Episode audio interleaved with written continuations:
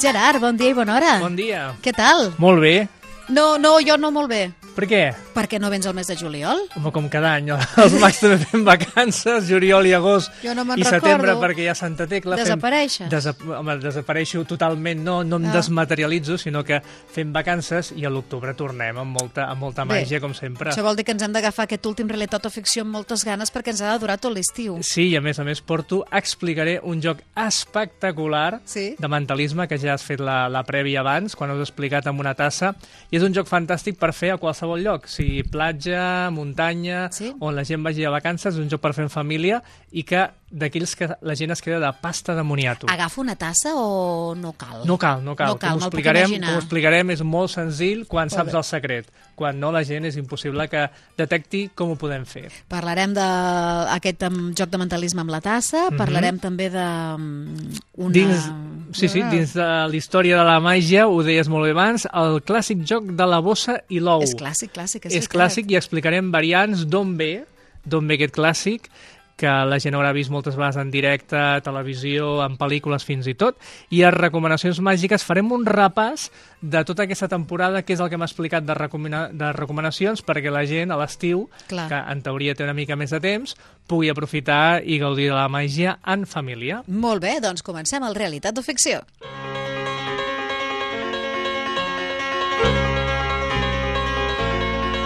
A la història de la màgia, com sempre, recordeu que aquesta secció la fem amb el mag Daniel Arbonés. Si entreu a la web www.magia.cat, ens ha preparat un fantàstic, meravellós, il·lustre i ponderat post, com sempre, relacionat amb el tema d'avui, que és el joc de la bossa i l'ou. Primer us explico l'efecte, per Ah, va- si no el recordeu. Me fa gràcia perquè sempre dediquem la història de la màgia a Max i avui la dediquem a un joc. A un joc. Està molt bé. No és la primera vegada que ho fem, havíem val. parlat de la... la... Passa, portem tants anys ja fent la realitat o ficció. Havíem parlat dels gobalets, el joc dels gobalets Ah, sí? i les boles, d'on venia la història, el joc de la corda tallada recomposada, perquè aquests jocs antics i clàssics tenen una simbologia que es basa en l'època que va sortir el joc. I ara ho veurem. Mireu, eh, el Daniel ens ha posat eh, diferents vídeos i una explicació que està molt bé i ara el que fem és complementar-ho. Uh, del que es tracta és que d'una bossa de tela, que pot ser de 18 per 18 centímetres o 20 per 20 centímetres, una bossa petita, no és gaire gran, mm.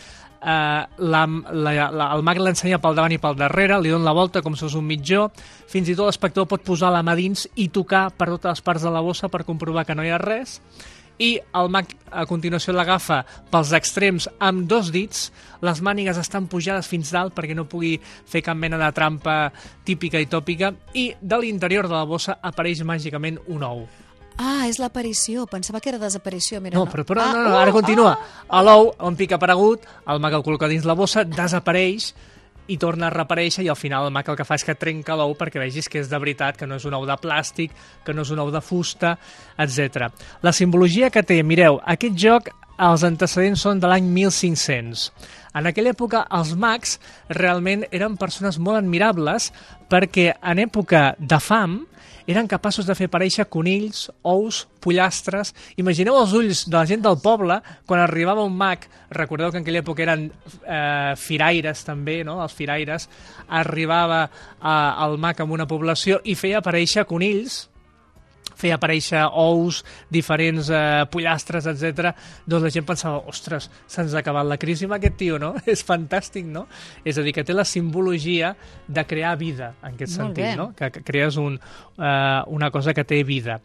La primera vegada que apareix escrit en un llibre que fa referència més o menys al concepte tal i com el coneixem avui de, del joc de la bossa i l'ou, és un llibre del 1876 que s'anomena Modern Magic del professor Hoffman. Uh, per què es van començar a escriure llibres de màgia? Doncs perquè els mags no els cremessin a la foguera perquè es pensaven que tenien un pacte amb el diable, que eren bruixots, Val. i l'única manera de que sapiguessin que utilitzàvem unes tècniques que no havien fet cap mena de pacte amb el dimoni era doncs escriu, escrivint llibres. Però què passava? Que la cultura, els llibres només tenien accés les persones d'un nivell eh, adquisitiu i a més a més d'un nivell cultural molt alt. És a dir, la gent del carrer eh, quan van començar a escriure els llibres encara no, no, no els tenien a casa i seguien cremant a la gent a la foguera, els mags, perquè deien, oh, aquest ha fet un pacte amb el dimoni que fa aparèixer una gallina del no-res. Així que a poc a poc eh, els mags no els van cremar a la foguera i, eh, i, i va poder continuar l'art de la màgia. Hi ha diferents eh, variants de mags com el Tarbell, el Malini, el Charlie Miller que el que han fet és desenvolupar tècniques perquè cada vegada sigui més impossible quan apareix l'ou, fins i tot una de les que a mi m'agrada més i és que al final la bossa l'aguanta els mateixos espectadors, li donen la volta Uau, ells mateixos sí. i fas aparèixer un ou de Però tu veritat m'explicaràs que el com trenques. funciona això. No, és la gràcia, la gràcia, No és...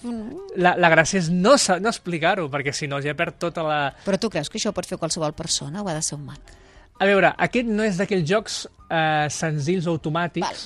que pugui fer tothom. Val. És a dir, es necessita una habilitat que- una, habilitat digital. una, una tècnica, Val. una presentació, és a dir, no és d'aquell joc que el puguis fer immediatament. Val. Eh, si el vols fer, perfectament bé. És a dir, el pots fer de forma senzilleta, Sí.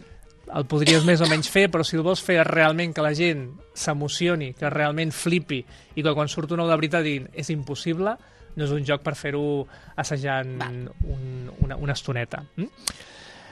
Uh, variants. Sí. Una variant és una aparició contínua d'ous que això era molt divertit xulo. a l'època perquè el mag treia un nen i començava a fer aparèixer ous.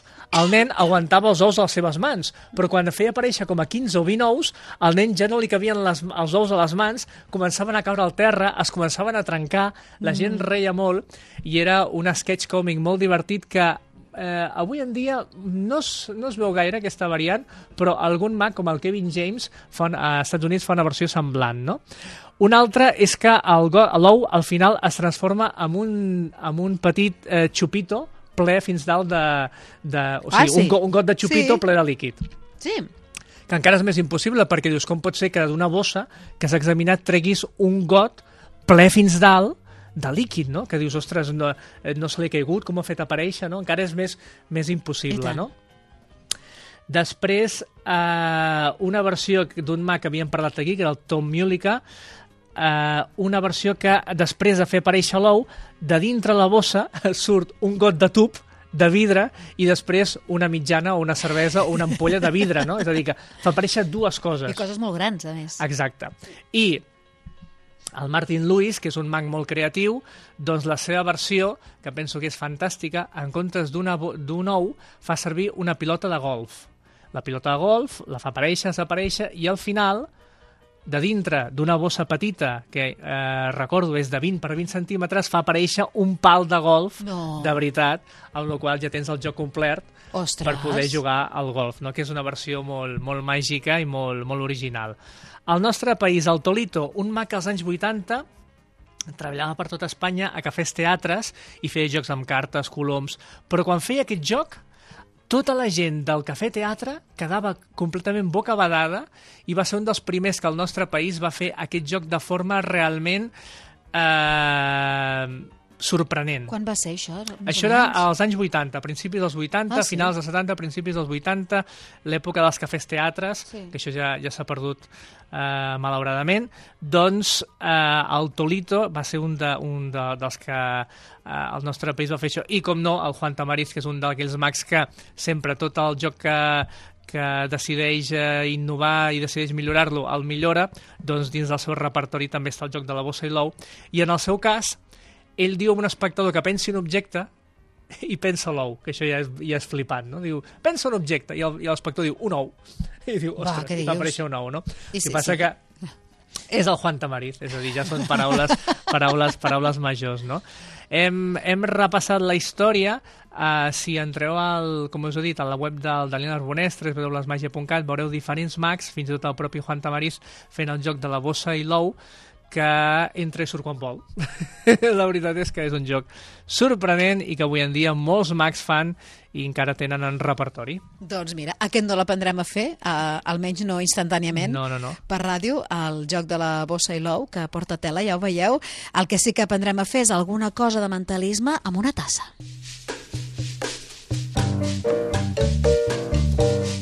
Tassa petita de cafè o d'aquelles de cafè amb llet? Eh, pot ser una tassa petita mitjana. L'important és que no sigui transparent, que sigui una tassa ceràmica de plàstic Clar. que no es vegi el contingut. Explico ràpidament l'efecte. En què consisteix?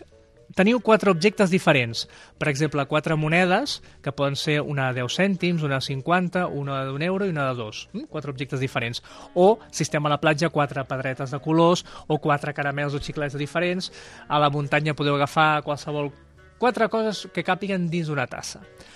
Uh, L'efecte és el següent. Vosaltres no mirareu, fins i tot una persona es pot tapar els ulls perquè no podeu veure res, i a l'interior de la tassa posarà un dels quatre objectes, això podeu fer amb molta gent, que és la gràcia, eh? Els altres tres objectes se'ls guardarà a la butxaca. En pic estigui fet això, ja us trauran el, les mans dels vostres ulls, que ja podreu veure, i sense aixecar la tassa, recordem que la tassa no és transparent, la tassa de, mar, és de ceràmica, sense aixecar-la, vosaltres podreu veure a través de la tassa i endevinar quin és l'objecte que està dins de la tassa. Vale, ja sé com. Ja saps com? M'has deixat... Com? Ja sé com, ja sé com. Com? Quina seria la teva... Però, quan posem els objectes els hem de posar en línia i controlant on està cada objecte. No, no, no, no. recorda que quan tu tornes a veure ja no hi ha cap objecte a la taula. Sí, però hi haurà la tassa Clar, ja no hi ha cap objecte. Però hauran tapat l'objecte amb la tassa. Per sí? tant, l'objecte no l'haurà mogut i la tassa estarà en el lloc on no, hi havia no, no, no, l'objecte que queda. El poden posar a qualsevol lloc. El eh? poden moure? Sí, oh. fins, fins, i, fins, i tot, la, fins i tot la tassa, al començament està cap per amunt Sí. i tu la pots posar cap per avall en qualsevol lloc de la taula. Els objectes no els has de tindre en línia, els pot tindre fins i tot a les mans. El posa a la tassa, la, la tira cap per avall. Llavors no ho sé, Gerard, no ho sé. no ho sé. Home, és la gràcia, perquè si haguessis sapigut, jo ja marxo, no? Marxo deprimit a casa. Què com ha anat avui a retroficció? Fatal, fatal, fatal. Un desastre, un desastre. Bé, doncs uh, aquest joc és de finals del 19, principis del 20. Sí. És un joc que segueix sorprenent. És un dels jocs per començar a fer màgia eh, que encara que passin els, els mesos, els dies i els anys, la gent flipa igualment. I uh, com es fa? Mireu, eh, necessiteu un amic. Qui té un amic té un tresor. I amb això ja ho teniu. Establireu un codi amb el vostre amic. Amb, fixeu-vos bé, amb l'ansa de la tassa. És a dir, jo he comentat que quan una persona posava so, eh, dins de la tassa qualsevol objecte, els altres el podien moure i barrejar. L'última persona serà el vostre amic i posarà l'ansa de la tassa depenent de uh, l'objecte que hi ha dins. Per exemple, si ha, anem a fer un exemple ràpid. Si ha posat una moneda de 10 cèntims, la lança estarà amb l'hora de les 12. Si ha posat la moneda de 50 cèntims, l'ança estarà amb l'horari de les 3. Clar. Si és la, la, la moneda d'un euro serà a les 6 de la tarda i si és la de 2 euros, les 9 del vespre. Des del vostre lloc, des de la vostra Sí. posició. Mm? Ho podeu fer les vegades que vulgueu. És d'aquells jocs que es pot fer com a 6-7 vegades seguides. Cada vegada és més sorprenent perquè cada vegada dius, ostres, la primera podia ser sort que encertessis, però 4 o 5 vegades seguides gairebé és impossible. I la gent doncs flipa molt i el podeu provar senzill, fàcil i en qualsevol lloc el podreu fer aquest estiu. Ostres, doncs, uh, bé, l'únic que hem d'estar ben compinxats amb algú, eh? Sí, que però, segueixi però el, el codi és el molt codi, senzill. Que el codi les estigui 12 de clar. la tarda, les 3, les Clar. 6 i les 9 del Clar, vespre. llavors amb un got no funciona. Ha de ser tassa que tingui Ha de ser l'ansa. tassa i que no sigui transparent, evidentment, perquè es veuria. Doncs mira, queda tan poquet temps i tens tantes recomanacions per fer-nos Sí? que si et sembla, saps què? Eh, ho deixem pel mes que ve. Val, Val? ho fem així. Serà màgic, serà màgic. El mes que ve no Molt havia bé. de tornar, però tornarà el Mag Gerard a fer-nos recomanacions eh, literàries i sobre màgia i també d'alguns eh, audiovisuals, no? També? Sí? Ho farem així. Bones mig vacances, Mag Gerard. Igualment, que vagi bé. Gràcies. Adéu.